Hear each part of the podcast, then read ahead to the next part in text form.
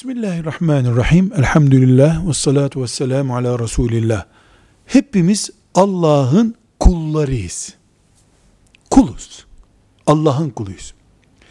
Kul hakkı demek, kulların birbirleriyle alıp verecekleri demek.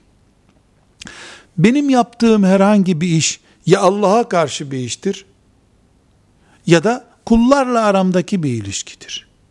Öğle namazını kılmadığım zaman Allah'ın bende bir hakkı kalıyor. İşçimin ücretini ödemediğim zaman kulun bende bir hakkı kalıyor.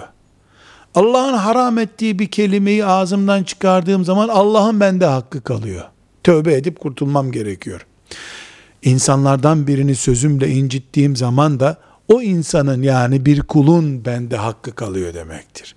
Kul hakkı Allah'ın değil, insanların kendi aralarında oluşturdukları, birbirlerine karşı oluşturdukları alacak verecek demektir. Bu maddi olur, manevi olur, helalle, helalleşmekten başka da hiçbir çaresi yoktur. Velhamdülillahi Rabbil Alemin.